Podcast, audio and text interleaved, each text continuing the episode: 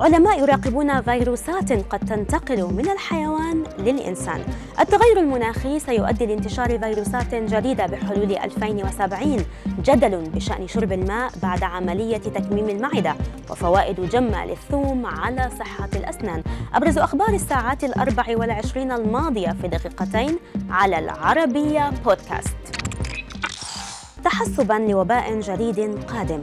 يراقب العلماء في جميع أنحاء العالم فيروسات يمكن أن تنتشر من الحيوانات إلى البشر كالإيبولا مع بدء جائحة كورونا في التراجع في العديد من البلدان.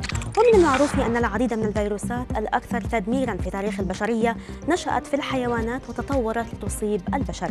كما استضافت الخفافيش والجرذان والقرود والطيور مجموعة متنوعة من مسببات الأمراض التي قفزت فيما بعد إلى البشر.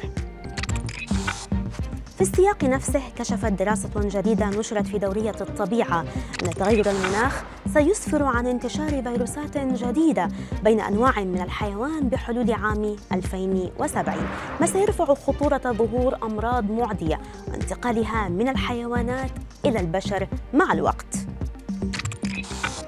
هناك فوائد جمة للثوم على الأسنان والصحة الفموية كتسكين آلام الأسنان عند استخدامه موضعيا كما أن الثوم يخفف من حدة حالة خراج الأسنان ويقلل حدة حساسية الأسنان كما يتسبب في مقاومة تخلخل الأسنان بالإضافة إلى تقليل فرص الإصابة بتسوس الأسنان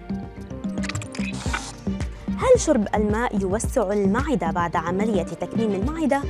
الإجابة بعد جدل واسع كانت لا.